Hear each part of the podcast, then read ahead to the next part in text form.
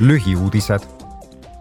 sel nädalal valmistuvad Euroopa Parlamendi fraktsioonid järgmiseks täiskoguks. järgmisel nädalal arutab ja hääletab parlament Strasbourgis uute sõiduautode ja väikeste tarbesõidukite CO2 heite vähendamise eesmärke.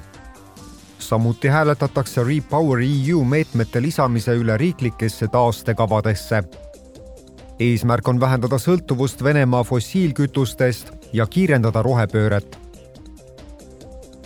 Strasbourgis arutab parlament Euroopa Liidu kodanike valimisõigusi Euroopa ja kohalikel valimistel.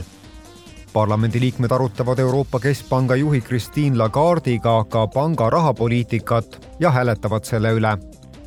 samuti on täiskogu päevakorras meetmed naistevastase vägivalla ennetamiseks ja selle vastu võitlemiseks ning Euroopa Liidu strateegia tööstuse konkurentsivõime, kaubanduse ja kvaliteetsete töökohtade edendamiseks sel nädalal hääletab parlamendi tööstuse, teadusuuringute ja energeetikakomisjon ettepanekut ajakohastada Euroopa Liidu hoonete energiatõhususe direktiivi, mis on osa paketist Eesmärk viiskümmend viis. ajakohastamine suurendaks hoonete renoveerimise ulatust ning annaks impulsi heitevaba hoonefondi saavutamiseks kahe tuhande viiekümnendaks aastaks